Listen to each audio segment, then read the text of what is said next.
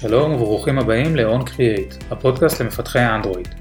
בפרק ה-16 דיברתי עם עידן איילון, מפתח Flutter עצמאי.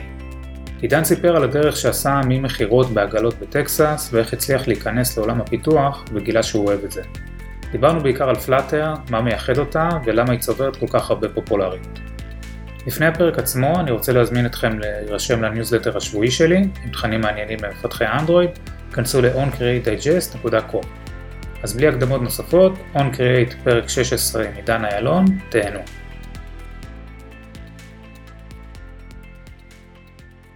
שלום עידן. אהלן, ערב טוב, מה נשמע? בסדר, מה שלומך? מצוין. יופי, אז אה, ברוך הבא לפודקאסט אה, On Create. בוא תציג את עצמך בבקשה. כן, אז אה, אני בגדול התחלתי מעולם האנדרואיד לפני שמונה שנים, ובארבע שנים האחרונות גיליתי את פלאטר ועזבתי את האנדרואיד והתמקדתי רק בזה. בזמני הפנוי אני כותב קצת מאמרים, מקליט וידאוים על פלאטר, הקמתי את פלאטר ישראל, שזו קהילת פייסבוק, וגם לפני זה כשהייתי מפתח אנדרואיד את קוטלין ישראל. אוקיי, יפה, ש, של קהילות, אז נדבר על זה בהמשך. בוא תספר לי בבקשה איך, איך הגעת לעולם הפיתוח, מה, מה, איך הגעת לזה בעצם? כן, טוב, אז אני לא הסיפור הקלאסי של השתחררתי מ-8200 וישר התקבלתי לעבודות סטארט-אפ משוגעות, אני לא הייתי קשור לתוכנה כל החיים, בערך בגיל 10 אולי ישבתי בכיתה וכתבתי קצת קוד, היה לנו שיעור ג'אווה, ומאז עצרתי עד אחרי הצבא, בצבא הייתי בקרבי בצנחנים, ואחרי הצבא כמו כולם יצאתי קצת לטייל, הגעתי לטקסס, שמצאתי את עצמי עובד שם בכלל בעגלות בסוף. המטרה שלי הייתה okay. אוקיי. להגיע לאלסקה, לטייל, לטייל באלסקה ולעבוד בדייג. ובדרך הרבה ברביקיו בטקסס? מלא ברביקיו בטקסס, כן, טקסנים משוגעים, כאילו. אה, זאת הייתה חוויה מאוד מאוד כיפית בתור חייל משוחרר שמחזיק איזה straightener ושורף לכל מיני אנשים רנדומליים את השיער איתו, לא היה לי מושג מה אני עושה. אמ, אבל בסך הכל היה מאוד כיף וכסף לא עשיתי מזה, גם לאלסקה בסוף לא הגעתי, אבל uh, צברתי אחלה חוויות. רגע, רצית, להגיע, ו... רצית להגיע לאלסקה בעקבות uh, הסרט Into the Wild? Into the Wild, בדיוק. אדי כן, ודר. כן. סרט מעולה. אז... אוקיי, אז ויתרת על אלסקה, ומה קרה אחר כך? לא ויתרתי לגמרי, כאילו עכשיו יש לי ילד אז הסיכוי שזה יקרה בגיל 60 בערך, אבל אה, זה עדיין בראש איפשהו. אה, כן, אז אה, אחרי זה חזרתי לארץ ואתה יודע, חייל משוחרר, אין לי מושג מה, מה אני רוצה לעשות, אז הלכתי ליום חיילים משוחררים, ופגשה אותי איזושהי בחורה והציעה לי ברושור, בוא למכללת XYZ, תלמד, תלמד MCITP, לא היה לי מושג מה זה אומר, אמרה לי זה הנהלת אה, להיות מנהל רשת, שמעתי מנהל, אמרתי סבבה, נשמע טוב, התחלתי ללמוד אה, MCITP אה, ועבדתי בתחום. הייתי מנהל רשת בחברת גאון, בכלל בעולם שוק ההון עברתי בכמה חברות. בשלב מסוים זה די שעמם אותי, פחות אהבתי את העניין של כל מיני, אתה יודע, בגדול מה שעשיתי שם זה להחליף לאנשים אה, את ה-team שלהם, להתקין להם Outlook. לא, הרגשתי כן, שאני לא מנוסה. IT כזה, איש IT. כן, הייתי בגדול אה, לסחוב דברים במדרגות, נהיו לי רגליים מאוד חזקות, ואחרי האמת הרבה זמן זה נמאס, כן, נמאס אחרי איזה שלוש-ארבע שנים. אה, וחיפשתי את עצמי, רציתי לחזור שוב פעם לארצות הברית. בשביל זה צריך להוציא ויזת עבודה, אז הגעתי לפיתוח להוציא ויזת עבודה, וכשאני עולה למשרד שמוציא ויזת עבודה, במעלית אני פוגש בן אדם, לא מכיר אותו, אין לי מושג מי זה, ואתה יודע, יריתי באוויר מהבטן, אמרתי לו, אתה עובד כאן? אמר לי, כן. אמרתי לו, סבבה, יש לי פה איזה פגישה, אני יכול לקפוץ אליך אחרי הפגישה? הוא אמר לי, סבבה, תבוא. ובאתי אליו, אה, החברה הייתה חברת Aquarimat, הם פיתחו איזשהו ברז חכם שמזהה נזילות מים, הוא שאל אותי מה אתה רוצה לעשות, אמרתי לו, תשמע, יש לי אופנוע, אני אוהב אופנועים, אתם מרכיבים פה את המערכות האלה של הזיהוי נזילות מים. אה, זה לא כזה לואו-טק, כן? זה משהו מאוד מתוחכם, יש שם איזה hall effect כזה שמסתובב וקורא את הקריאה של המים, והוא מזהה אם יש נזילה אז הוא סוגר את הברז, משהו כאילו הייטק ולואו-טק. אמרתי לו, תשמע, אני יכול okay. כאילו לבנות לך את המערכות האלה ולהסיע אותם ללקוחות קצה. ואז הוא אומר לי, אני אקנה לך ארגזים, וזהו, והוא קנה אותי, ארגזים לאופנוע הכוונה. אה, התחלתי לעבוד שם. אה, עם הזמן, פעם ראשונה שאני עובד בסטארט-אפ, כן, אה, אמנם זה היה סוג של אופריישן כזה, אבל היה בי את הדחק באמת, שוב פעם, לא רוצה להיות האיש, אתה יודע, זה שנוסע מנקודה X ל-Y, או סוחב מסך מנקודה X ל-Y, רציתי להתפתח. וראיתי את כל המפתחים, אז הם כתבו low level C++ למערכת, וגם כן Web, יש שם בחור שכתב רובי און ריילס, אז היה נחמד, כן, 2012 כזה. אוקיי, אתה אמ, בינתיים מבית ספר יסודי לא, לא נגעת בקוד. לא, לא, כלום, שום דבר. לא עניין אותי, אוקיי. בכלל לא חשבתי, אבל הסיבה התכלס שנורא התלהבתי זה שהם ישבו במשרד במזגן ואני תיזזתי שם בחום, בקור עם האופנוע, אפילו שהיה לי נורא כיף עם האופנוע, כי אני אוהב אופנועים, אבל הדליק אותי עניין התוכנה. אמ, אז באתי לאותו בחור שפגשתי, במעלית המנכ"ל החברה, אמרתי לו שאני מאוד רוצה לצאת לקורס אה, C-Sharp. אה, למה C-Sharp? היה להם שם, אה, איך קוראים למערכת הזאת של מייקרוסופט בענן, SharePoint. היה להם SharePoint ורציתי נורא, אני, אני ראיתי שאני נוסע כל הזמן הלוך וחזור בשביל רק לקרוא את הבטריה של המערכת. כי המערכת עבדה עם איזה וי-פיי ושידרה המון נתונים. ואמרתי למה שאני לא אהיה בשאר פוינט כבר כל המערכות כתובות שם אני אייצר איזשהו ליסנר כזה למערכות ופשוט אקבל את המידע מרחוק. אז אה, אמרתי לו בוא תוציא אותי לקורס אה, C-Sharp. אז הוא באמת הוציא אותי, כאילו עשינו כזה חצי חצי אפילו מהכסף הפרטי שלו, בן אדם השקיע בי. אה, זה היה מאוד נחמד, סיימתי את הקורס, ובאמת פיתחתי את המערכת, CRM כזה. אנשים אשכרה השתמשו בזה, זה היה נורא נחמד. ואז לא היה לי מה לעשות שוב כל כך, כי אתה כזה, אתה יודע, נכנסתי במצב של אה, איפשהו קולבויניק אה, עושה הכל כזה, ו, ו, וזהו, המערכת פותחה ונגמר. ואז אה, באותה מכללה יכלתי לחזור על הקורס עוד פעם. והיה להם קורס אנדרואיד iOS מובייל. אז עשיתי את הקורס הזה, שנה לקח, ובגדול לא כל כך הרגשתי שהקורס נתן לי יותר מדי וגם לא כל כך ראיתי את עצמי מצליח לעבוד בזה. זאת אומרת באותה חברה לא הייתה צריכה. אז uh, בלינקדאין התחלתי לחפש ומצאתי את העבודה הראשונה וזה מדהים זה? עד כמה ש... uh, חברה שפיתחה צ'אט מאובטח עוד uh, לפני הסלק אפילו משהו די דומה צ'אט מאובטח אה, ברמת ה... לבצע פעולות מול בוט כזה, מול אנשים, ממש זה היה כאילו אבי הסלק אבל לא הצליח. אוקיי, אה, אבל אתה אומר שאחרי הקורס לא, לא הרגשת בשל, מה, אז איך קיבלו אותך? אבל אין ברירה, צריכים לקפוץ למים, ו, ובאמת בגלל שלא הרגשתי בשל, לא ידעתי איך לעבור את הרעיון עבודה. למזלי, באותה חברה, אה, מי שראיין אותי היה בחור backend, הוא לא הבין כל כך אנדרואיד iOS, ופשוט uh, הכנתי איזה אפליקציה הזויה כזאת ולמדתי את הקוד שלה ממש טוב, uh, והוא שאל אותי שאלות שגם אני קראתי עליהן כי הוא לא מבין, אתה יודע מה זה אינטנט וכאלה, דברים כאילו מאוד בסיסיים, הוא יודע שאני סופר ג'וניור, ועברתי את הרעיון. Uh, ואז uh, זה היה מגניב, פעם ראשונה סטארט-אפ וזה, אני מפתח. Uh, אבל הייתי המפתח היחידי בצוות והפרויקט היה פרויקט מאוד מסובך, כן, מה זה צ'אט מאובטח, כן, זה לא, אה, זה לא רק ה-HTTPS, הם רצו שאני אעשה שם הצפנה של המידע, אני מדבר איתך על שנות 2000, סוף 2014, כאילו היה שם ליסט view, אפילו לא recycle view. כן, לא, מצחיק שנותנים לג'וניור ג'וניור אה, להיות המפתח היחיד בסטארט-אפ כזה. כנראה רצו לחסוך על כסף, ואולי באתי להם בטוב, לא יודע. כן. אין מושג. אוקיי, אבל בטח אה, אה, למדת מלא.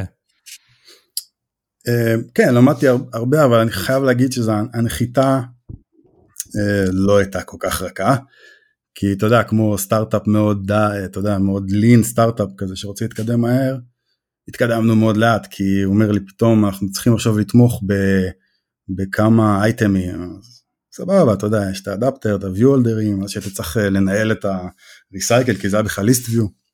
כן, ידנית היית צריך. אה, לגרום למחזור. כן, כן, זה היה זוועה. ו... ונתקעתי על המון דברים, על הנוטיפיקציות נתקעתי, ועל המצלמה שזה לא היה כל כך פשוט, ובאמת כאילו היה לי מאוד קשה, למזלי אז נפתח אנדרואיד אקדמי, הקורס הראשון, יונתן לוין, והגעתי לשם ופשוט התחלתי לשאול אנשים כאילו מה אני עושה, מה אני עושה. אה, וזה עבד, כאילו איכשהו שחיתי, שחיתי שם חצי שנה בערך עם כל מיני עזרות כאלה רנדומליות. התהליך כמו שאמרתי היה אתה יודע בסוף אתה מגיע ל daily ויש לך מפתחים שמונה שנים עשר שנים ווואלה אני כאילו קושי. אתה יודע כתבתי יום אחד קוד בתכלס כאילו uh, אז ב daily כולם אני עשיתי זה ועשיתי זה ואני כזה uh, אני עדיין על הפיצ'ר הזה. בסוף חפרתי חפרתי יום שלם ב Stack Overflow וזה מה שעשיתי. כן אכלתי פיצות ב Android Academy היה כיף. זה, זה לא עבד, הם הביאו איזה מישהו ואמרו לי, טוב, זה ה senior עכשיו, תהיו ביחד, ואז עפתי. כאילו הם די עשו את זה מהר. אה, וזה היה כאפה, כן, כי, כי אה, כשהייתי ב Aquarimat, בחברה הזאת, אז, אז, אז היה לי מאוד כיף, אתה יודע, הייתי מאוד טוב במה שעשיתי. אה, חוץ מלהתקין את המערכות עשיתי עוד הרבה, דברים, כאילו ניהלתי את הפרויקטים, ו... היה לי מאוד סבבה, אתה יודע, אין, אין עליך באמת אקדח כזה על הראש עם, עם, עם ג'ירות וכאלה. פתאום אתה בום, כאילו, וואי, אולי אני לא מפתח. אה, אבל לא יודע, החלטתי לא לוותר. כולם אמרו לי תחזור ל-IT, עזוב אותך שטויות, תחזור לארה"ב, לטקסס. כן. אה, ו- והורדתי איזה SDK של צ'אט, כי האפליקציה הקודמת הייתה צ'אט, היה לי איזה, איזשהו קטע כזה לייצר צ'אט כמו שצריך. והיה לי מזל ומצאתי עוד עבודה שקשורה לצ'אט, הם לא עשו בדיוק אותו דבר, אה, הם עשו יותר, אה, זה מצחיק, זה די דומה כאילו למה שאתם עושים, עם, עם תקשור עם בנקים, כאילו הם, אני זוכר שגם באותה אפליקציה התחרנו ב, אה, בתחרות של בנק בינלאומי, פינטק, וזכינו אפילו מקום שני, אני עוד פעם הייתי המפתח, מפתח אנדרואיד היחידי, אבל הפעם כאילו ממש נעזרתי באותו SDK שלמדתי אותו, SDK הזה הכיל הכל, דיפיקציות, אה, איך לעבוד נכון עם פרגמנטים, הכל. אה, אז פה זה הצליח. מי החברה הזאת? אה, קראו להם אורג 7. אוקיי, לא, לא, לא קיימים? לא מוכר כי הם לא הצליחו. כן. אוקיי.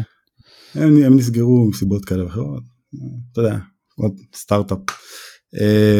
וחיפשתי שוב עבודה. והגעתי לוואלה. אה, וואלה זה כבר היה צוות פיתוח. היינו, כשהגעתי שלושה מפתחי אנדרואיד, שלושה מפתחי iOS. אה, פתאום זה סוג של בית תוכנה קטן, יש לוואלה המון אפליקציות. אה, וואלה News, וואלה חמ"ל, וואלה, וואלה, וואלה ספורט. ופתאום אתה צריך לשלוט בכולם, אז למדתי המון, שם באמת עפתי על האנדרואיד ואנשים גם עזרו והיה כיף. כן, ברגע שיש לך צוות שאתה, יכול ללמוד ממנו זה כבר יתרון. כן, יש לך, יש לך מצפן, אתה נאבד איפשהו אז אתה יכול לשאול מישהו שהוא הרבה יותר מנוסה והוא כמובן יעזור לך, שאתה יכול לבקש משימה אחרת. ובאמת התחילו איתי, אתה יודע, משימות פשוטות עד שממש אה, נכנסתי לעניינים חזק ונורא אהבתי לפתח, זה לא בא, זה לא בא ישר. אה, ואז יצא קוטלין ב-2017, אני קצת התחלתי להתעניין בו לפני. אה, לא יודע למה אני אוהב דברים חדשניים. לפני שגוגל הכריזו עליו בתור שפה רשמית הכוונה? כן כן, כמה חודשים לפני. אז פתחתי את קוטלין ישראל בפייסבוק ורק החבר'ה מוואלה היו שם, לא, לא הרבה הכירו, גם הרבה פקפקו בהצלחה של קוטלין. הרבה אנשים לא אוהבים לצאת מהנקודת נוחות שלהם, שהייתה ג'אווה באותה תקופה. אבל לא יודע, כן, אני כאילו... לא, אני חייב להודות, גם אני כשראיתי את קוטלין בהתחלה, לא, לא הבנתי כמה, כמה זה טוב, ועכשיו אני מכור לזה, כאילו לא, לא יכול להסתכל על ג'אווה יותר, אבל לוקח, לוקח זמן בהתחלה להבין את זה. אני אותו דבר אגב, אה, טוב נגיע לזה, כן, הפלאטר עם הדארט גם כן אה, לפעמים גורם לי לגעגועים עמוקים לקוטלין, אה, כן. אבל דארט משתפרת, נגיע לזה. אז זהו, אז התחלתי... אוקיי, אז פתחת את הקהילה וזה התחיל לתפוס בטח אחרי שגוגל הכריזו על זה? כן, כן, ישבנו, אני זוכר, בגוגל איו בארץ, שגוגל יושבים, בבניין אלקטרה והכריזו על זה והייתי בשוק כאילו אמרתי וואו אשכרה אז כאילו ג'קפוט כן. ובאמת הקהילה גדלה אה, היה גם קוטלין תל אביבה אז תפס תאוצה אה, אבל בוואלה לא, לא כל כך מהר אה, קפצו על הקוטלין ובאותה תקופה הכרתי איזה בחור שחיפש מפתח פרילנס כזה מהצד לאיזה פרויקט שלו אפליקציית היכרויות ואמרתי יאללה אני, אני אבנה לו את זה בקוטלין, אני גם אשתפשף על הדרך בקוטלין ואני אלמד כמו שצריך. אה, אפליקציית, אה, אפליקציית נקראות קראו לה סמיילבק. אה, הרעיון שלה היה די מגניב, אם יש לך match, לא כמו ב Tinder אז יש לך match, יש לך match אתה מקבל איזשהו ואוצ'ר שאתה יכול לעשות לו redeem במקום פיזי ספציפי, זאת אומרת המערכת חישבה את המיקום שלך ושלה, שלו ושלך, whatever, ובאמצע מצא איזשהו uh, מקום שיכלתם לשבת, הייתם מגיעים, עושים איזשהו handshake עם הטלפון, זאת אומרת היה איזה fencing כזה, geo fencing, מזהה ששניכם באותה נקודה, ואז אחד הכפתור redeem היה נדלק, טיק, היית מקבל 10 דולר למשקה.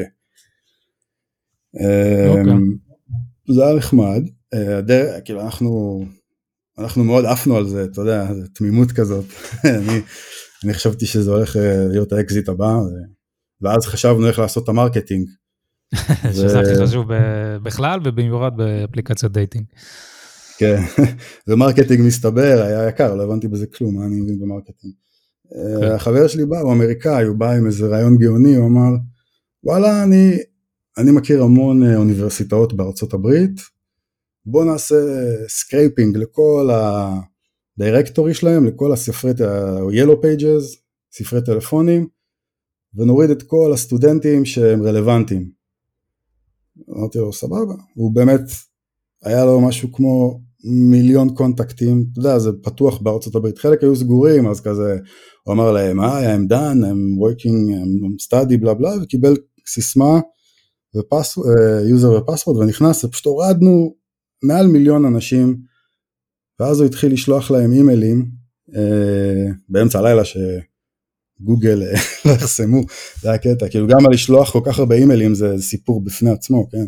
השתמשנו ב Mailmonkey, Mailgun, לא זוכר בדיוק מה, כל מיני providerים, אה, והדרך ש, שקנינו את האנשים זה ממש היה לנו theme שהשתנה בהתאם לא, לאוניברסיטה. זאת אומרת אם היה איזשהו פסל מיוחד באוניברסיטה, אוניברסיטת קורנל, סבבה, ב upstate ניו יורק, אז הראינו שם את הספרייה המגניבה, כאילו אייקון, היה לנו איזה מעצב שעיצב לנו אייקון, וזה כאילו כמו, כאילו באנו מבפנים, אתה יודע, אנחנו אחד הסטודנטים שעכשיו המציא איזה אפליקציה מגניבה, ו-hey, you should try it, it's amazing, בלה בלה, ואנשים הורידו, ו... וזה עבד, אבל הבעיה עם זה שזה עבד לפרק זמן מאוד מוגבל, ואז הרבה יותר יצאו מאשר נכנסו, וגם... כן, לא היה retention, מה שנקרא. retention קשה מאוד אמ, ו, וגם הכסף ל voucherים כמובן נגמר כי ה voucherים אנחנו השתמשנו באיזה API ל generate voucherים on the fly שמנו כסף משלנו לא היה משקיע אבל זה עבד זה היה מגניב שזה עבד ובאמת אמ, ואז אה, אוקיי, אין לי כבר, אתה יודע, אני כבר עזבתי את וואלה, הייתי מושקע כבר בסטארט-אפ הזה, מעבר לזה שהייתי פרילנס, הייתי ממש עבדתי בו full time, כי זה ממש הצריך את זה, ומצאתי אה, עבודה ב-AT&T, חברת AT&T, יש בארץ סניף, זה ה- R&D center שלהם, ונכנסתי כפרילנסר שם, הם, הם רצו לפתח איזושהי אפליקציה אה, לילדים עם מגבלויות שיוכלו לנווט בתוך הבית ספר, בית ספר נתיב, אה, בתוך הכיתות, יוכלו לנווט בין כיתה לכיתה ללא עזרה. אז זה היה מגניב, זה היה כזה סוג של אנדרואיד ויוניטי, זאת אומרת יוניטי, יוניטי בנה את, ה, את המודל התלת מימדי שעזר לנו בעצם לנווט בתוך מקום סגור. בהתחלה חשבנו לשים ביקונים, אה, אבל זה לא ממש עבד, ואז אה, הדרך שמצא לנו זה היה לסנכרן את המודל לפי איזושהי תמונה שהתלמיד אה, יצלם על הרצפה, ומאותו רגע ידענו את האזימוט וידענו למקם אותו במודל. זאת אומרת המודל ידע איפה התמונה, ואז הקומה נבנתה. חבל שהם לא כל כך uh, התחשבו בנגיד uh, גרמי מדרגות וכאלה. Uh, אבל... אוקיי, ואתה נגעת גם ביוניטי או רק במעטפת של כן, האנדרואיד? כן, כן, כן. אני ממש אהבתי את AT&T, הם נתנו לי ממש לעשות הכל, וגם backend בקוטלין, שזה היה נחמד. ואז הבעיה עם AT&T שלפעמים יכול להיות קצת שם איטי, ואני בן אדם עם דופק גבוה. אז התחלתי לחפש מה, מה לעשות, אחד המדיומים שקראתי ראיתי Flutter, UI toolkit של גוגל, ואמרתי יאללה בוא ננסה, והורדתי את ה-SDK, התקנתי אותו, אה, והתחלתי לשחק ופשוט נגנבתי, לא האמנתי שדבר כזה יכול, לא האמנתי שפיתוח אפליקציות יכול להיות כל כך פשוט. אה, הדבר הראשון ששאלתי זה איפה ה-XMLים שלי, איפה ה- Recycler View, איפה... אז אין, כאילו, הכל ב-Dart. הכל היה ב-Dart והכל זה ווידג'טים. אה, שזה קונספט מעניין, כי זה נותן לך גמישות מטורפת. בעצם widget יכול לקבל ילד widget או ילדים, children, child, אה, ו... וככה אתה בונה עץ של ווידג'טים. בעצם בראש העץ יש לך את תחילת האפליקציה, איזושהי מתודה של main ו-run app, ובתוך ה-run app הזה הוא מבקש widget, זה ראש העץ. עכשיו גוגל אמרו אנחנו ניתן לך את כל הכלים, את כל הווידג'טים שאתה צריך, והיית צריך להתקין dependency באנדרואיד בשבילם, אפילו ברמת ה- recycler view, app bar, card views, כל הדברים האלה, אתה לא צריך אותם כי יש לך SDK מפוצץ בווידג'טים, כל הסוגים, גם לאנדרואיד מטריאל דיזיין וגם ל-iOS קופרטינו. אה, קופרטינו אגב זה הבית של אפל שם איפה שהבסיס העגול המטורף הזה. כן. אה, רגע אבל בוא, בוא לפני זה נראה לי שווה להסביר פלאטר אה, שזה איך זה נקרא קרוס פלטפורם מולטי לא יודע מה ההגדרה של זה בדיוק אבל כן. איך, איך בסוף אני מתקין APK על, המכשיר שלי. כאילו, מה, לא, אז... מה, מה, מה המעטפת שם בעצם? אז בוא נתחיל מה זה פלאטר. פלאטר זה framework open source שגוגל פיתחה, אה, ובשנים האחרונות הוא תפס תאוצה מטורפת. נראה לי ב-2020 ב-Google Trends הוא עקף את כל ה-React Native ו-Xamarin, שיש לי כבוד אליהם, כן, לא מזלזל או משהו, אבל זה מה שקרה, פשוט הוא עקף גם בשאלות של ה-Stack Overflow וגם ב-GitHub stars, אה, ואנשים מאוד אוהבים אותו, אה, והמטרה של, ה, של ה-cross platform הזה זה לפתח אפליקציות client לאנדרואיד אייפון, לווב, ל-PC, Mac ולינוקס, והכל בקוד מקור אחד בשפת דארט, שגם היא משתפרת כל הזמן בעקבות ההצלחה של פלאטר.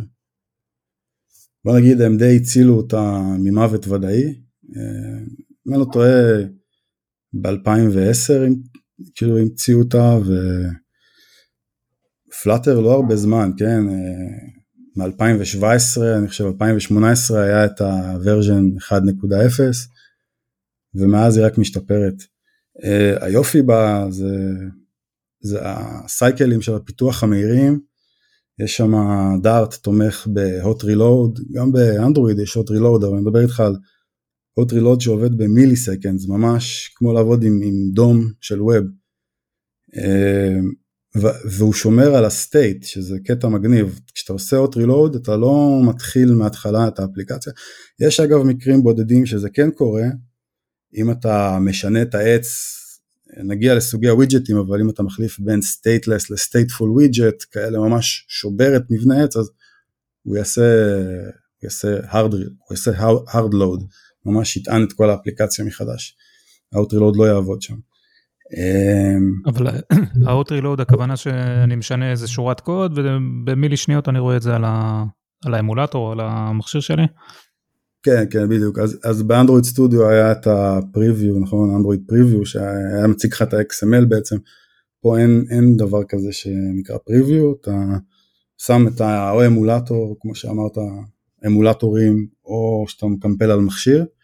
יש גם דרך קמפל על כמה מכשירים שזה מגניב במכה כאילו. אה, וזהו, היופי בה חוץ מזה שהיא, שהסייקלים מהירים זה שהיא מאוד דקלרטיבית. אני יודע שבאנדרואיד יש ג'טפק uh, קומפוז, נכון? כן, כן, שזה גם תופס עכשיו. שזה מאוד דומה, האמת שזה מאוד מאוד, מאוד דומה, כי ב... הסתכלתי על זה קצת אה, וראיתי שיש שם אה, זה, זה ב-DSL נכון? זאת אומרת בקוטלין DSL אתה פותח כאלה כן, בלוק של קוד. כן כן, זה הכל פונקציות. זה Declarative UI באמת, אה, גם Flutter, גם אה, Jetpack Compose וגם Swift UI, זה שלושתם אה, Declarative UI, אתה בעצם בקוד אתה רושם את מה שצריך להיות ב-UI. כן, אתה מגיב, מגיב לסטייט, כן, כן, העולם הולך שם בדיוק, זה התחיל מ-React והגיע גם למובייל. cool. אם אני לא טועה גם, גם אה, באמת אה, React Native אני חושב שזה גם אה, דומה, זה גם Declarative UI לדעתי. Mm-hmm. אז רגע, אם, אם אני זוכר נכון, אז פלאטר בסופו של דבר בעצם מציירים על הקנבאס, כאילו זה, זה קצת דומה ליוניטי וכאלה, זה כמו שיוניטי זה עבור משחקים, אז גם ה-Flutter לא משתמש בעצם בווידג'טים אה, של, אה, של native Android, אלא בעצם הוא סוג של מצייר על הקנבאס, רק במקום לצייר משחק עם תפריטים וכאלה, הוא מצייר אה, קומפוננטות שנראות כמו הקומפוננטות שאנחנו מכירים מהאפליקציות native. נכון, נכון? אני, חושב, נכון אני, אני מסכים, אני חושב שזה גם החוזקה שלה, שהיא מנותקת לגמרי מה-native widgets והיא חיה בתוך איזה קופסה שחורה משל עצמה, שזה בגדול מנוע בשם Skia, מנוע תלת, דו-מימדי, סליחה, אה, שפשוט מרנדר ווידג'טים, אה, ובגדול אם אתה עכשיו פותח אפליקציית Flutter חדשה, עושה flutter create awesome podcast, אז אתה, אתה כן תקבל אפליקציית אנדרואיד בתוך ה-root של הפרויקט ואתה כן תקבל iOS או web או לינוקס או מק, זאת אומרת כן יהיה לך את ה-host הנייטיבי בפרויקט שיצרת, אבל בנוסף לכל אלה יש לך אה, ספרייה בשם ליב. ספריית ליב אה, מחזיקה את הקוד דארט שלך, שהקוד דארט הזה יודע לרוץ, להתקמפל על, על, על אותן פלטפורמות. אה, אוקיי, ו... ואיך זה מגיע ל-iOS למשל? אז iOS או אנדרואיד, בוא ניקח את אנדרואיד כדוגמה, אה, באנדרואיד יש לך את ה-activity, Flutter activity, אוקיי, והוא מריץ איזשהו קנבאס, שבתוך הקנבאס הזה רצה אפליקציית Dart אה, שלך, אפליקציית Flutter. ובעצם אה, שתי השכבות שיש זה שכבת ה-framework שהיא כולה Dart שבה יש לך את כל הקומפוננטות ווידג'טים שזה Material Cupertino מה שאמרנו כל מיני ג'סטשרים אנימציות ואז מתחת לשכבה הזאת יש את השכבה שבעצם אחראית על הרינדור, אה, שהיא מ-C ו-C++, ובעצם היא אחראית אה, על כל התקשורת שלך בין ה-Dart לפלטפורמה המארחת, קוראים למנגנון הזה platform אה, channels. ומה זה בכלל platform channels? יש שם עוד כמה דברים, כן? יש שם isolates, שזה מיני threads כאלה, כי הרי Flutter, Dart עובד, הוא single thread, כמו Node.js. אה, יש לו event handler כזה שרץ ב-loop, מעניין העניין הסינכרוני שם, איך זה עובד. כן, אה, זהו, איך עושים באמת קריאות רשת וכאלה. כן, אז, אז, אז יש לך כלים אה, כמו Future אה, וכמו async await שזה מזכיר את אה, coroutines, אני אומר את זה נכון? coroutines? קורוטינס, כן. קורוטינס. אה, ואתה נגיד סתם יש לך מתודה שאתה רוצה להביא משהו מהרשת, fetch users, אז היא רוצה להיות אסינכרונית, אתה, אתה תסמן אותה בסוף, בסוף כ-async, והיא תחזיר לך פיוטר מאיזשהו סוג, לא משנה, נגיד user model, ליסט של יוזרים, ואז אתה תקרא, אני מניח לרפוזיטורי, את כל הארכיטקטורה, אתה תקרא עם await, בסדר? תעשה נגיד uh, final users, await, repository get users. ומה שיקרה, כמו בג'אווה בעצם אתה תחכה לתשובה, כן? או שאם אתה לא רוצה שהמתודה שלך תחזיר פיוטר, אתה יכול אה, לקבל, לעבוד עם פיוטר עצמו, זאת אומרת, אתה יכול לעשות פיוטר נקודה then, אה, ואז בעצם אתה תקבל את, ה, את התשובה שלך בתוך הבלוק, אתה יכול לבדוק שם ארורים. אם אתה עובד אה, בקונפיגורציה של async await, אתה תרצה לעטוף את העניינים שם ב-try catch, או אם אתה אוהב uh, functional programming, אני פחות uh, עובד עם async await, אז אני מחזיר uh, either או שמאל או הצלחה או כישלון, יש כל מיני דרכים, uh, אני אישית לא אוהב את ה-try catch. Um, כן, לגבי האיסינג. מז, מזכיר קצת קוטלין, uh, גם אפשר להתנהג בכל מיני דרכים uh, מבחינת הסינכרוניות, עם הקורוטינס וכאלה. Uh, ותגיד לי רגע, מבחינת החוויה, לא, לא מרגישים שזה לא נייטיב? אין איזה בעיות בעניין הזה? ההפך, ההפך המוחלט. בגלל שאתה לא באמת תלוי במערכת ואתה ממש מריץ משחק, משחק אפליקציה. סתם אתן לך דוגמה, אה, ביקשו ממני, ביקשו ממני לעשות איזושהי אנימציה, שאתה לוחץ, אה, יש לך כרטיסים ואתה רוצה להוסיף משהו לעגלה, כרטיסים של אה, מוצר מסוים, אתה רוצה שהמוצר הזה יעוף לך מהעגלה לתוך הסל.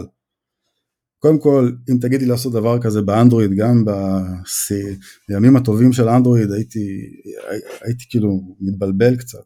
כאילו כנראה האנימציה הייתה בתוך ה-XML, אבל הייתי מתבלבל בפלאטר, זה, זה כל כך קל ואתה לא מפחד לאבד פריימים בגלל שאתה עובד עם, אה, יש לך שם שני סוגים של אנימציות, אימפליסיט ואקספליסיט, יש לך אריי שלם של ווידג'טים שהם אה, רק תומכים לך באנימציות. סתם דוגמה, אה, animated align, animated position, יש המון animated משהו, או שאם אתה רוצה אתה יכול לעשות explicit animation, למה explicit? כי אתה קורא לה בעצמך, ואז אתה שולט כאילו מתי היא נקראת. אם אתה שם את זה כ-widget, אז once אתה משנה את אחד הפרמטרים, אז בעצם האנימציה קורית. סתם דוגמה, אם היה לך animated positioned ויש לך top 20% והחלפת אותו ל-50%, אז אותו אובייקט יזוז לך ורטיקלית למטה ל-50%, כי שינית רק את ה top. זה מזכיר נראה לי את motion אה, layout קצת באנדרואיד, שגם אפשר אה, ידנית לעשות כל מיני אנימציות כאלה ולשחק איתם עם האחוזים וכאלה. אה, כן. אבל אז אוקיי, אז האנימציות נשמע שבאמת יותר קל לעשות, אבל השאלה שלי יותר, שוב, אם יש לי כפתורים, ה toolbar למעלה, אני, אני לא ארגיש טיפה, לא, שזה מרגיש קצת לא במקום כזה, כאילו אני לא באמת באנדרואיד, או שזה עשו חיקוי מספיק טוב, שאתה לא, לא מרגיש את זה בכלל. אז, אז העניין שזה לא חיקוי בכלל, זה קונספט שונה לגמרי שהכל widget, סתם דוגמה, זרקת app bar, אז יש באמת widget שנקרא app bar. אם אני לא טועה גם יש Cupertino app bar ל-iOS. כן, אבל כמובן ו... כשהוא מרונדר למסך, האם אני לא ארגיש שזה שונה מהטולבר האנדרואידי הנייטיבי? זאת השאלה שלי. כן, אז, אז היופי גם שאתה יכול לשלוט בכל פיקסל, ממש, זאת אומרת, אם uh, באנדרואיד, אם אני זוכר נכון, כן, אני לא רוצה, אולי דברים השתנו, היה לי מאוד קשה לשנות את ה-XML בתוך הטולבר, הייתי צריך לשים XML, uh, custom XML או משהו, אני לא זוכר. ופה אתה פשוט, uh, אתה רוצה שיהיה לך 30 פיקסל שמאלה, אז אתה, אתה עוטף את הילד, יש לך app bar, ה app bar הזה מקבל child, אתה עוטף אותו ב stack, ואז כשיש שם stack בעצם, לא stack או stack, סליחה, כן, אז אתה יכול, עם, כן, אז אתה יכול עם position uh, ממש להגיד לו תהיה לי 16, תהיה לי 16 טיקים שמאלה, תהיה ממש לשלוט ברמת הפיקסל וגם המיני פיקסל. Uh, אז זו השליטה האבסולוטית. עכשיו סתם דוגמה אתה רוצה אתה רוצה שיהיה לך עמוד כמו activity אז יש לך widget שנקרא scaffold ואותו scaffold הוא יכול לקבל ווידג'טים אחרים שהם נגיד body uh, או app bar או bottom navigation או drawer ולמערכת לא אכפת מה תעביר לה, אתה יכול להעביר לה container, container זה גם סוג של widget מאוד נפוץ, בסיסי, שיודע לקבל height, width, color, decoration, בתוך decoration אתה יכול להעביר לו איזה סוג צורה הוא, אה, אתה יכול לייצר צורות כל מיני אמורפיות כאלה עם shadows והכל סופר דקלרטיבי. אה, אבל בוא שנייה נדבר אולי איזה סוגי ווידג'ט כי זה מרגיש שאני מפספס קצת את החלק okay. אוקיי. שהוא מאוד קריטי. אה, אז באמת בפלאטר יש לך שני סוגי, שלושה סוגי ווידג'טים, השלישי לא כל כך מדברים עליו זה stateless, stateful ו-inherited widget. אה, stateless כמו שמו הוא, הוא לא משנה את הצורה שלו, הוא immutable, זאת אומרת מה שאתה מעביר לו פנימה אז uh, זה מה שיהיה לך, זאת אומרת אם אתה רוצה צבע אדום הוא ירונדר פעם אחת, אין לו state. Uh, לדוגמה ווידג'טים כמו טקסט או image הם יהיו stateless, אוקיי? ואז יש לך את ה-stateful widget, ה-stateful widget יש בו כבר state, אתה יכול לרנדר כמה פעמים. זאת אומרת אם יש לך איזשהו, איזושהי רשימה uh, שאתה רוצה לסמן אובייקטים כ-checked, אז אתה תרצה להשתמש, לייצר איזשהו tile כזה, שאגב יש widget שנקרא list tile, שהוא בדיוק נותן לך את מה שאתה צריך ל list tile, שזה trailing widget בהתחלה, leading, uh, סליחה, leading, trailing, title, subtitle, לי, לי, לי לא יוצא הרבה להשתמש בו כי רוב האנשים, לקוחות מבקשים דברים מאוד ספציפיים, אבל זה, זה שם, זה קיים. אז, אז אתה יכול לשנות את ה state הפנימי שלו. ויש את ש... Uh, היום זה סוג של, לא יודע אם קוראים לזה dependency injection או locator service, אבל זו דרך להעביר uh, בעץ ווידג'טים, אז כמו שאמרנו Flutter הוא עץ של ווידג'טים, הוא לא רק עץ של ווידג'טים, יש שלושה עצים, ווידג'טים, אלמנט ורנדרים, אבל אם אתה רוצה להעביר סתם דוגמא איזושהי קונפיגורציה לאיזשהו feature שלך, אז אתה צריך אה, לייצר איזשהו inherited widget בעץ שהוא מספיק גבוה בהיררכיה, היררכיה פה זה עניין אה, מאוד קריטי ב-inherited widget או provider שזה גם אותו, אותו סגנון אה, ואז אתה בעצם מעביר את האובייקט והוא מחלחל לך למטה בעץ. בעץ הזה יש ברנצ'ים, כל branch כזה זה widget. אוקיי, אז זה inherited widget. פחות, אתה פחות משתמש בזה? אני פחות, אני state, בעצם אה, יצא לי להשתמש בו כמה פעמים, כי לפעמים, אתה יודע, להרים איזשהו store של MobX, או אה, ממש להוסיף, אני משתמש ב locator service שנקרא GetIt, אה, שהוא מאוד מזכיר את Koin בצורת התנהגות שלו, ו... ולא יצא לי הרבה, אני אגיד לך את האמת, כן, כי אני משתמש ב GetIt בעיקר, אבל כן, יצא לי להשתמש פה ושם, הוא מאוד לא נפוץ היום. ה provider החליף אותו, אה, יש גם Bloc, אוקיי, שזה state management, שהוא נעזר ב provider כדי לקבל, אה, לקבל את, את האובייקטים. אני אישית מתרחק מ Bloc ו provider בגלל שאתה צריך לציין אותו בעץ, ואז העץ ווידג'טים מתנפח. אני לא אוהב את זה. אני אוהב ש, שכל דבר יש לו משמעות, אז GetIt הוא רק locator, הוא רק Koin, הוא רק מביא לי את ה-dependencies שלי. אה, ו MobX, אני משתמש ב MobX, אה, זה מ React, כן. היופי ב Flutter אגב שלקחו מכל העולמות. אה, סתם דוגמה, Retrofit, מן הסתם, כולם יודעים מה זה Retrofit ומשתמשים. אז אני חיפשתי איך לעשות REST, REST API פשוט ב Flutter ולא היה לי מושג, היה איזה HTTP וזה נראה לי קצת עקום וכל העניין של הסריליזציה וה deserialization היה לי מאוד מוזר איך, ש, איך שזה בא מהדוקומנטציה. אה, אחרי Kotlin אתה יודע שיש לך sealed classes ו data classes. אז מצאתי ספרייה שקוראים לה Retrofit ל Flutter והיא עובדת בדיוק אותו דבר. כאילו אין ב Dart interface יש abstract class אז זה abstract class שאתה מגדיר בו את מה שאתה רוצה לעשות אם זה get post put you know you name it. um, רגע, מבחינת ה... מה אמרנו? יש stateless widget ו stateful widget, איך קוראים לשני? כן, stateless ו stateful. אז זהו, אז אני, אני, אני מנחש שכאילו הייתי יכול, גם האלה שהם בעצם stateless, שזה סתם נגיד איזה לייבל קבוע כזה, גם הייתי יכול לכאורה לעשות אותו stateful, אבל אני מניח שזה נכון.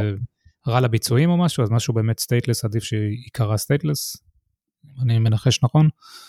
ניחשת מאוד נכון, כן. אה, תראה, אתה, נגיד יש לך list ש... שאתה צריך לקבל אותו באיזשהו, לא יודע, chat list, אוקיי? אז uh, אתה תשתמש ב stateless widget כי המידע ירונדר, נגיד אם אנחנו משתמשים ב MobX, יהיה לי widget שנקרא observer שהוא מעל ה list הזה, ויהיה לי את ה MobX store שלי עם ה-action computed וה-observable, והוא ידבר עם, הוא בעצם ירפרש את אותה נקודה שעוטף אותה ה-observer widget הזה. אז זה יפה, כי אתה לא צריך לרנדר את כל העץ, אתה מרנדר רק מה שמתחת ל-observer. זה MobX, בסדר? יש המון המון פתרונות.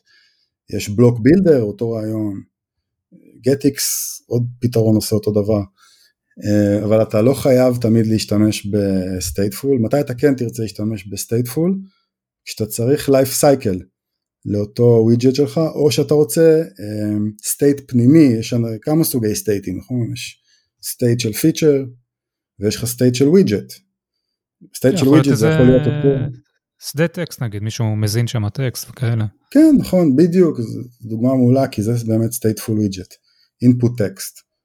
אמ, אז, אז כן, יש שימוש ב stateful, יש uh, כל מיני ספריות שנגיד כשאתה משתמש ב stateful widget אז יש לך בגדול שתי קלאסים, אחד זה ה class, uh, נקרא לו צ'אט uh, בבל, אוקיי, ויש לך את ה state של chat bubble, אז chat bubble, ה stateful widget קורא ל state שלו, יש לך בעצם שתי אובייקטים, אני אישית לא היה כל כך מה לעשות, כן, אבל אז גיליתי את Flutter uh, hooks, uh, גם כן מ React נדמה לי. Flutter hooks אז אתה יכול, uh, הוא, הוא מונע ממך את כל, ה, את כל העניין הזה של ה boilerplate, אתה לא צריך uh, שתי, שתי אובייקטים, אתה, אין, אין לך init, state או dispose, כל הקולבקים האלה שבעצם יש לך ב widget, stateful widget, אלא אתה עושה הכל מתוך מתודת ה build. יש גם ל stateful וגם ל stateless build. ההבדל אמרנו שב stateless הוא נקרא פעם אחת, הוא immutable. stateful הוא mutable. כן. אה, בוא רגע נשאל אותך... בלבלתי לך יותר מדי דברים. לא, זה בסדר, נותן מבוא טוב. אה, אבל מבחינת החיבור ל native עצמו, זאת אומרת, דברים כמו notifications, או לא יודע, התממשקות למצלמה, כל מיני דברים כאלה שפועלים בצורה שונה בכל הפלטפורמות, אז איך, איך זה בא לידי ביטוי ב Flutter? אז יפה, זה, זה החלק הכי חשוב ב Flutter, זה איך Flutter מתקשר עם, עם ה host שלו. אה, וזה נעשה על ידי ה platform channels.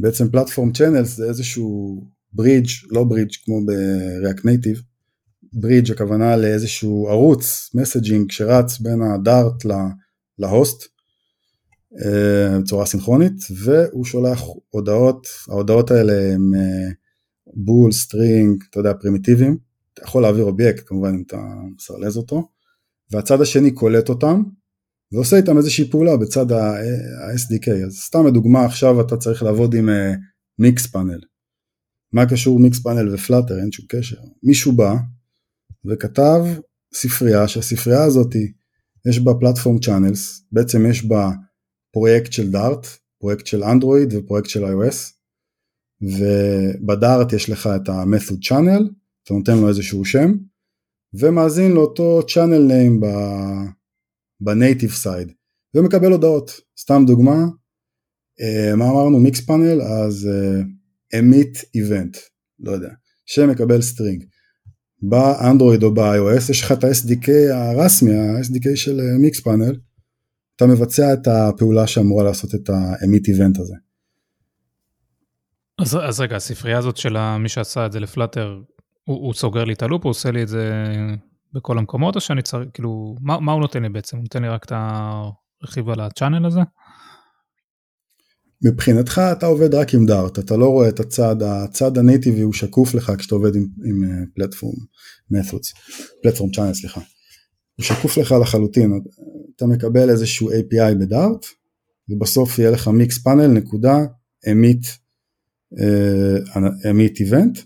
מה שיקרה מאחורי הקלעים אותו פלטפורם uh, מתוד יוציא איזשהו איבנט שיקרא על האנדרואיד בסוף על הפרויקט אנדרואיד ובפרויקט אנדרואיד אתה צריך לכתוב קוד בקוטלין או בג'אווה כדי לטפל בסיפור הזה. אתה תכתוב את זה עם ה-SDK האמיתי, מה שבאמת מיקס פאנל יש להם באתר שלהם. אותו דבר גם לגבי הקאמרה, אתה תעבוד עם ה-SDK של אנדרואיד, אתה יכול, אתה יכול גם ללכת לפרויקט האנדרואיד שלך ל Gradle ולהכניס שם כל dependency שאתה תרצה. אין בעיה, זה פרויקט לכל דבר, אתה יכול לייצר application, application class שירוץ לפני הכל, ואתה יכול לייצר background service או foreground service. זה, זה הכוח הגדול של Flutter, שאתה באמת, אתה, אתה מחוץ לפלטפורמה, אבל אתה גם בתוך הפלטפורמה. אוקיי, okay, אז בסוף אבל בדיוק אני אצטרך מפתח שיודע אנדרואיד ומפתח שיודע iOS בשביל להתממשק עם הדברים האלה. כן, אם אתה ב-2017 אני מסכים, אתה די שוחה בים של כלום, יש את pubdev נקודה, אה, pubdev שזה הרפוזיטורי של דארט, ושם רוב האנשים הולכים ומפרסמים את הפקג'ים שלהם, אז אתה די לבד, כי אין הרבה קהילה, אין הרבה מפתחים. היום, וואלה, תתקיל אותי, אני אמצא לך ספרייה, באמת, כאילו, הייתי צריך ספרייה שעושה טקסט עגול כזה על, אה, על אבטאר, אתה יודע, מסביב האבטאר מצאתי. כאילו דברים כן. הזויים, אתה מוצא הכל. בגלל שכל כך כיף ואנשים אוהבים את זה ומפתחים את זה, קהילה משוגעת. יותר מזה גם יש לך היום... כן. כן, כן, תמשיך. יש לך חברות ש... שאתה אומר וואו אם הם הלכו על זה אז אה, זה מדהים כאילו בם ועליבאבא כמובן גוגל אה, Google Pay כתוב ב Flutter iRobot טויוטה אה, לי יצא לעבוד עם, עם חברת רכב גם פיתחתי להם ממש ממשק לתוך ה... לתוך המערכת מולטימדיה שלהם. אה, זה היה אנדרואיד כמובן. כשאתה אומר עליבאבא mm-hmm. זה AliExpress כאילו או שמשהו כן, אחר? כן כן זה כתוב ב Flutter. AliExpress זה נטו Flutter? גם אה, סליחה. אה, מה רציתי להגיד? גם בישראל יש לך המון פלאטר כבר. כשאני התחלתי לא היה, היה, הייתה את חברת לומן אה, עמוד ענן אם אני לא טועה, באבל, ויה. וזהו, היום רוב האנשים שמתלבטים מה אני צריך, אני צריך מובייל שיעבוד לי 120 פריים, אני צריך לחסוך בכסף כי אני סטארט-אפ עני, ברוב המקרים בהתחלה, אז אני אלך על, אה, על, על פלטפורמה שיש, יש React Native כמובן, אבל בגלל שהבאז על Flutter כל כך חזק, כי אנשים באמת אוהבים, אני אגיד לך מה אני מרגיש שאני מפתח Flutter, אני מרגיש שאני משחק כמו ילד בלגו, ממש. אמ, יש לי מרוב ש... בגלל שזה שפה אחת, אין לך הפרדה של XML, CSS, JavaScript, אתה יודע, יש לך המון שפות, יש לך שפה אחת שהיא Dart, נכון היא לא מושלמת, אבל היא הולכת לכיוון טוב, אה, ו... ויש לי כבר ברמה שיש לי מדף של ווידג'טים שאני משתמש בהם, אני לוקח אותם ומשתמש בהם, אני מפתח איזשהו open source עכשיו שזה גלריה של ווידג'טים, אתה, אתה ממש יכול לראות את הווידג'טים הם מרונדרים לך ב live, יש שם כל מיני פתרונות אונליין כאלה, דארטפד שיודעים, אתה שם קוד והוא מרונדר לך בווב, בגלל שפלאטר יודע לעבוד עם JavaScript, הוא יודע להתרנדר על, על, על ווב, הוא יודע להיות קומפייל JavaScript. ומה עם ההשוואה או תחרות באמת לג'טפק קומפוז, שזה מאוד דומה, כמו שאתה אומר, גם Declarative UI, גם הכל זה ווידג'טים ואין XML ואין כלום, וגם הם כן נכנסים לעולם המולטי פלטפורם. אה, ממש הוציאו איזה גרסה אה, לא, לא מזמן. אה, שאלה מעולה, שאלה מעולה. תראה, אני, אני לא מכיר לעומק Jet Compose, אבל אני כן, אני כן יכול להגיד שג'ט קומפוז זה כלי בתוך קוטלין, DSLי, אני לא יודע כמה אנשים יודעים לעשות את הדבר הזה. לעומת ערימות של אנשים, כאילו מיליונים של אנשים שמפתחים פלאטר, שמפתחים ווידג'טים כל יום מיליוני שורות קוד שנוספות לרשת של כל מיני ספריות שאתה יכול להשתמש בהן לכל מיני מטרות. אז אני לא מכיר לעומק, אני יודע שיש לי ווידג'טים, סתם הייתי צריך לעשות align animated עם position animated, זאת אומרת שה-align יעבור לי לאמצע וה-position טיפה ירד, עשה איזשהו באג קטן, אז הייתי צריך איזה, איזה משהו מאוד מאוד ספציפי חיפשתי ומצאתי, זה כאילו יש לך הכל. אין מצב שאתה נמצא, אתה יודע, ב Stack Overflow, כותב משהו ואתה תקוע. וגם זה, זה היופי, הקהילה. לא לדבר עכשיו על הקהילה Flutter Israel, בסדר, כי היא קהילה קטנה, לדבר על הקהילה העולמית. אגב, מוזמנים להיכנס לקהילה, תגדילו אותה. כמה, כמה בישראל באמת יש אה, ב Flutter? אלפים. אוקיי. לעומת מאות אלפים אה, בחו"ל. ובוא תגיד לי בעצם, מתי לא היית בונה את האפליקציה בפלאטר? למה, למה זה פחות מתאים? Hmm. אה, תראה, אני אקח רגע את הפרויקט שעבדתי, פרויקט רכב, הוא נבנה, אני הצטרפתי לפרויקט הזה, הוא נבנה בצורה מאוד לואו-לבלית. זאת אומרת, מי שבנה אותו, הוא בנה את כל הארכיטקטורה, אני לא יודע אם זה נבע מזה שהוא לא ידע פלאטר חזק, או מזה שהוא חשב שבאמת צריך להיות לואו-לבל, הוא בנה את כל הקריאות רשת, הכל ב Kotlin, שום דבר ב Flutter, והוא אמר Flutter UI tool, סבבה, Flutter UI tool, לא רוצה ארכיטקטורה שם, לא רוצה קריאות רשת, לא מעניין אותי, הכל ב Kotlin, UI ב Flutter. אחר כך אני הבנתי למה הוא עשה את זה, כי הוא לא רצה bouncing גדול מדי, כי הוא, צריך, הוא באמת יצטרך, אה, הוא היה צריך גישה אה, לריסורסים של הרכב ולווי-פיי בצורה ספציפית ולרדיו ו...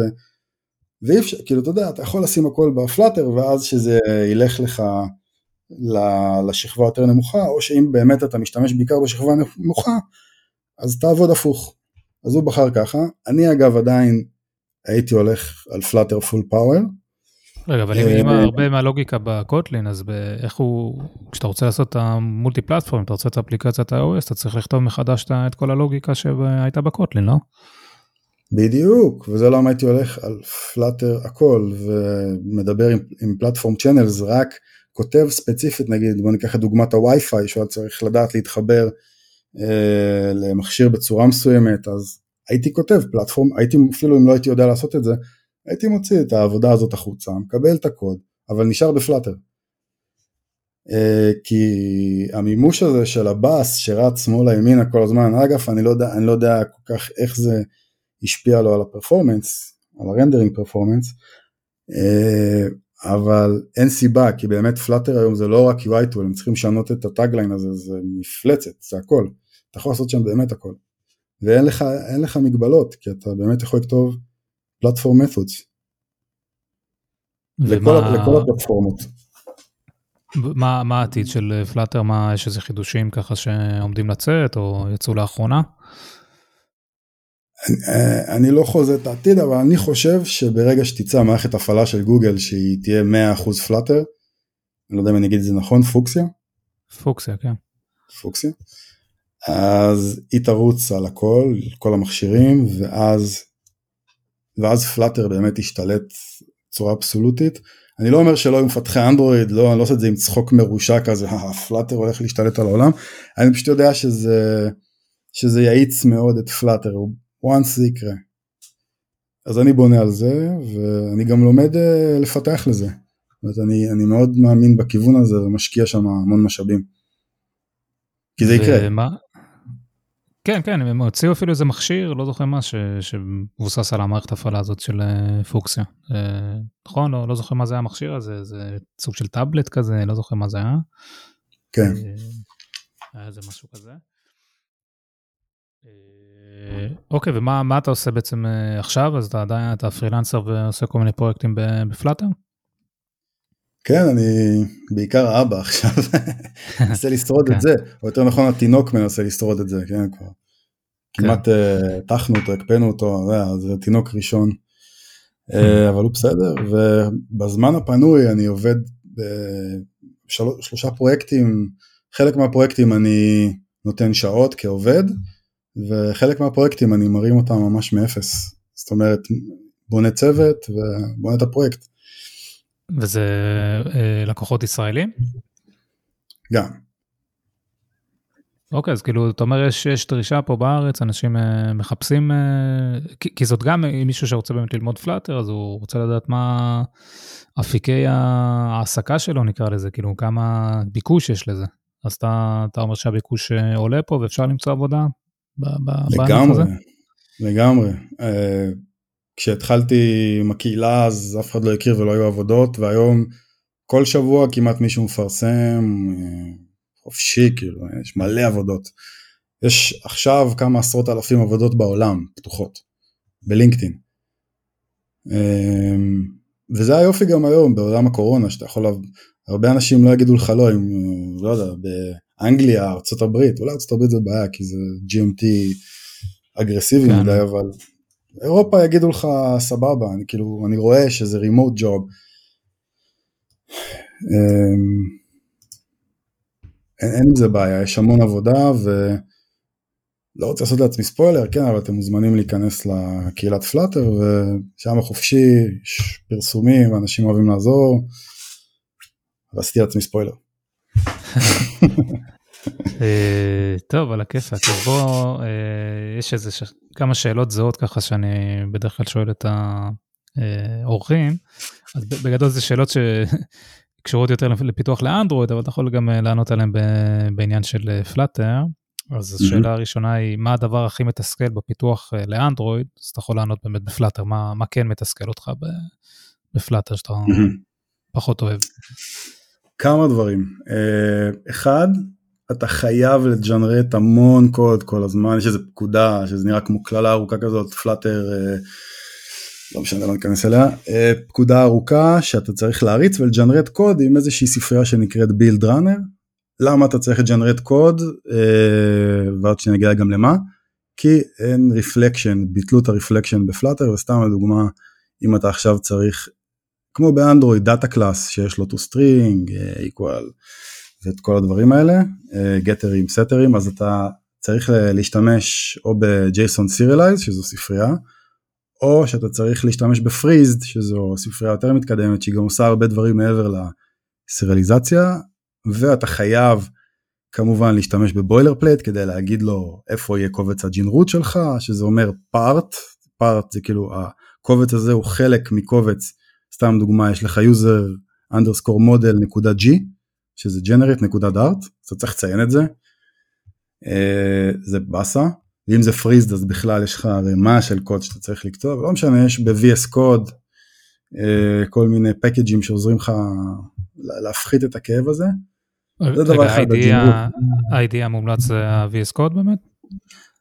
אני אישית מאוד אוהב את ה-VS כי הוא הרבה יותר קליל, לא Android Studio אין צורך בו, ב IntelliJ אה, הוא הרבה יותר קל, הוא, המערכת packaging שם מדהימה, כאילו אתה יכול להציג, סתם דוגמא אני עובד עם MobX, אז יש MobX package שאתה כותב MOB, ואז אומר לך, אה, template ל MobX, enter בום, שולח, שולח לך על המסך MobX store, אתה רק צריך לתת שם, ואז אתה כותב את ה-observable, computed ואקשנים, זה כאילו עוזר לך ממש במהירות כתיבה, אז יש המון כאלה לבלוק נגיד, או אפילו אתה צריך עכשיו לייצר stateless widget, אתה כותב STL, בום, stateless widget, stateful, STLF, provider, מה שלא תרצה, כל סוג widget יש לך extensions שם, שאתה אתה בעיקר מייצר טמפלטים, שזה מביא אותי לנקודת מחשבה שאני חושב שהעתיד הוא יהיה מכונה שתחליף אותנו ותכתוב מלא widgetים, אבל לא משנה. אה, מה עוד אני לא אוהב? הגודל של ה-APK נגיד, או IPA גדל, בכמה אה? אתה, אתה כן יכול להשתמש ב bundle כמובן, זאת אומרת אתה בסוף אה, אתה מייצר את ה-APK או bundle מ Android Studio, אתה יכול גם דרך פקודה, אני אוהב לעשות את זה דרך Android Studio, Xcode אתה חייב לעבור אה, דרך ה TestFlight כמובן. לא חייב, יש עוד פתרונות, אבל אני עובר דרך ה TestFlight. אז יש את גודל ה-APK, ויש דרכים להקטין אותו, אתה יודע, עם האססטים, אתה משתמש ב-SVG וכאלה, אבל זה כבר לא רלוונטי ל Flutter, זה כל פלטפורמה. אה, ואז יש לך את ה-API, ש... API שיש, שהיו לי ב Kotlin שחסרים לי ב Flutter. סתם דוגמה, אה, API של list, אתה יודע, ב list ב Flutter יש לך group by. אה, כן, יש לך sort by. כל העניינים של קולקשנים שיש ב standard library, יש מלא אקסטנשנים כן. מגניבים כאלה. כן, אז הייתי צריך באמת לכתוב group by ולא היה, אז כתבתי extension, יש, תודה לאל, יש ב Flutter, ב Dart אקסטנשנים. כתבתי extension של group by, אפשר גם להשתמש, יש כל מיני ספריות collection, יש ספרייה שגם אה, כתבתי, קוראים לה Dart Extensions, אה, אז, אז יש מלא אקסטנשנים, בגלל שהיה חסר כל האקסטנשנים ואני ממש מוצא את עצמי משתמש בזה. זה משהו כואב ואני לא מבין למה הם לא מפתחים את זה. כן, אולי הם יוסיפו את זה בסוף ל standard library שלהם גם. כן, כן. זה הרע, כן? זה מאוד רע. חסר, אוקיי. ה Dart גם לדעתי לא מספיק מפותחת, כמו שאמרנו, ה generate, אם היה, אם היה data class או sealed class, כרגע אני משתמש ב unions כאלה עם freezed, הוא גם יודע לעשות unions, שזה מביא לך את ה when, אתה יודע, sealed כן. class, אני ממש אהבתי את ה when, הוא מביא לך כמו enum כזה עם ה type, זה אין, לא היה את זה בדארט, אז אתה צריך לייצר המון קוד בשביל להשתמש בדברים שוואלה באו לך בטבעי. אוקיי, אוקיי, טוב לדעת. אה, שאלה הבאה, אם יש לך אפליקציה אה, פרטית שלך בפלייסטור. יש לי אפליקציות uh, שלי, uh, יותר נכון זה של אשתי, פיתחתי לה אפליקציה uh, של רפואת עיניים, משהו הזוי, אל תורידו זה, זה, רואים שם זוועות, זה ללימוד ניתוחי עיניים, לא מומלץ בכלל. אוקיי. אבל חוץ מזה יש אפליקציות שהייתי מעורב בהן uh, בפיתוח שלהן. אני לא יודע אם כדאי לחשוף פה לקוחות וכאלה, כן, אבל אפליקציות מאוד מוכרות, גם של החברת רכב, זה חברת רכב אה, ברמת אה, טויוטה, סוזוקי, אי שם אה, משתמשים ביפנים מאושרים או פחות, אני לא יודע. ויש אפליקציות שאני מפתח עכשיו שהן בעולם האי-קומרס, קריפטו וטרנספורטיישן, סמארט טרנספורטיישן. אוקיי, בסדר גמור. מה הטיפ הכי חשוב למפתח, מפתחת שמתחילים ורוצים להיכנס לשוק העבודה? קודם כל להוריד קורס.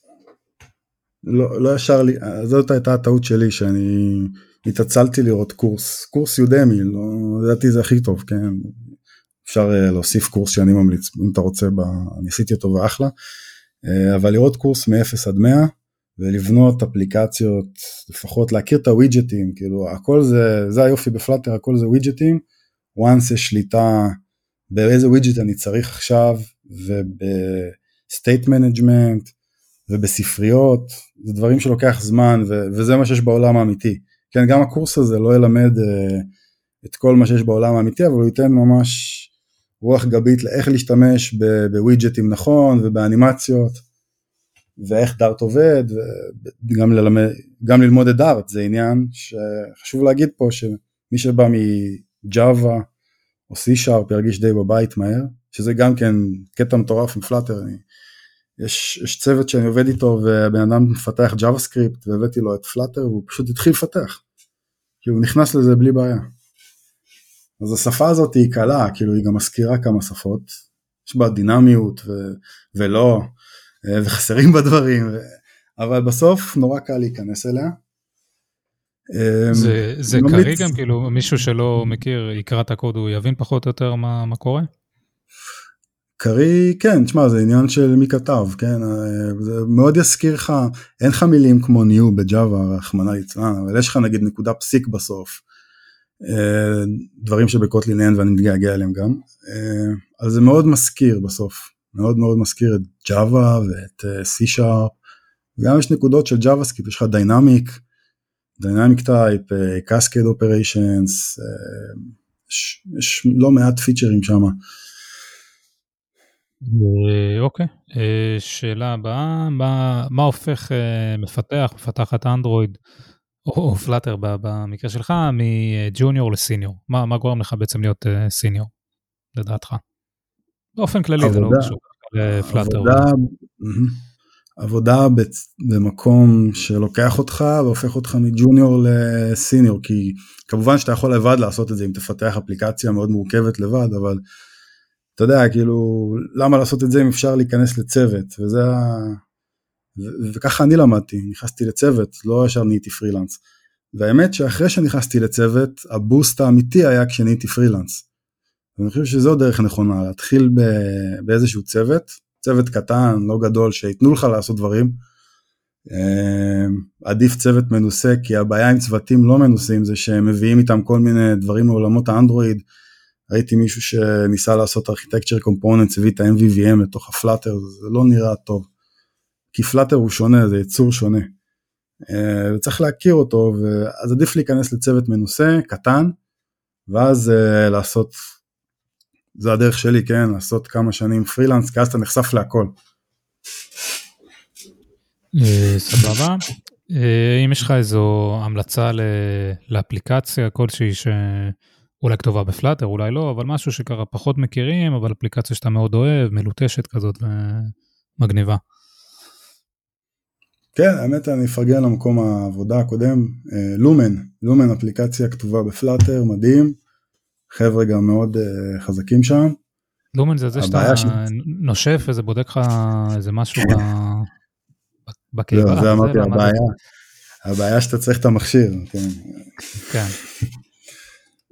אבל אתה נכון, זה מכשיר שאתה נושף אליו והוא מזהה את מה אתה שורף, שומן, סליחה חבר'ה מלומן אם אני אומר את זה ממש בצורה מופשטת, אבל אתה שורף שומן או פחמימה, ואומר, נותנת לך איזשהו uh, תפריט יומי, מה אתה צריך לעשות, לאכול. אה, אוקיי, בסדר גמור, אז נמליץ גם על זה. או עליבאבא, אה, כן, תורידו עליבאבא, תקנו דברים בעליבאבא, זה מגיע תוך חצי שנה, שנה. כן, ויש שם מבצעים כל הזמן, והרבה זבל סיני שאפשר, אה, ופלסטיקים שאפשר להביא לארץ כן. בכיף. סבבה. עוד איזה משהו ככה לפני ההמלצות, אם יש לך, שאתה רוצה להוסיף לגבי פלאטר או באופן כללי? אה, אני אישית אשמח לעזור למי שצריך עם שאלות, עניינים כאלה, מוזמנים להיכנס לקהילה, אה, מוזמנים להוריד קורסים ביוטיוב, יש מלא חומר, אה, פחות בעינם של ספרים, כן, אבל יש גם מלא ספרים, מלא ספרות. הדוקומנטציה של Flutter, docs.flutter.dev, מטורפת, מדהימה. זה ברמה שהם מרנדרים לך, הם רואים לך זה widget עושה ככה, והם מרנדרים אותו למטה. אה, ממליץ גם לעבור על זה, ובכללי לנסות, זה נורא קל, כאילו מורידים את ה-SDK, VS Code או Android אה, או IntelliJ, וזה כבר בא עם איזשהו אפליקציית template counter משעממת, אבל כבר משם אפשר ללמוד איך דברים עובדים. וזהו, וללכת על זה. אה, מגניב, אוקיי, נשים את כל הלינקים האלה באמת שאמרת. אני אתן המלצה, האמת שלא לא קשורה לפלאטר, אלא משהו יותר קשור לאנדרואיד רגיל. אה, יש איזה פודקאסט אה, אחר שנקרא אה, Coding in Flow, זה בחור גרמני כזה, אבל הוא מדבר באנגלית שם, אז יש לו גם פודקאסט, גם יוטיוב, מדבר על כל מיני דברים, כל פעם מארח מישהו אחר ומדברים על דברים שקשורים לאנדרואיד, אז בפרק האחרון הם דיברו על... על ג'טפק קומפוז ודווקא על, על הסכנות בג'טפק קומפוז, וגם דיברו על MVI מול MVVM, כל מיני דברים מעניינים כאלה. אז אני ממליץ על הפודקאסט ואני אתן לינק ספציפית לפרק הזה גם. אה, וזהו נראה לי, אז אה, היה לי כיף גדול עידן, תודה רבה. גם לי, תודה רבה, תודה רבה. וזהו, ניפגש בפרק הבא, ביי ביי. ביי. אני מקווה שנהניתם מהפרק של OnCreate. אתם מוזמנים לשתף את הפודקאסט, להירשם אליו ולדרג אותו באפליקציית הפודקאסטים המועדפת עליכם. אתם יכולים גם לעקוב אחרי דף הפייסבוק של התוכנית, חפשו OnCreate Podcast בפייסבוק. אם יש לכם הצעות לשיפור, רעיונות ושמות של אורחים שכדאי לי להזמין, אתם יכולים ליצור איתי קשר במייל oncreatepod@gmail.com, בדף הפייסבוק של התוכנית או בפרופיל האישי שלי בפייסבוק.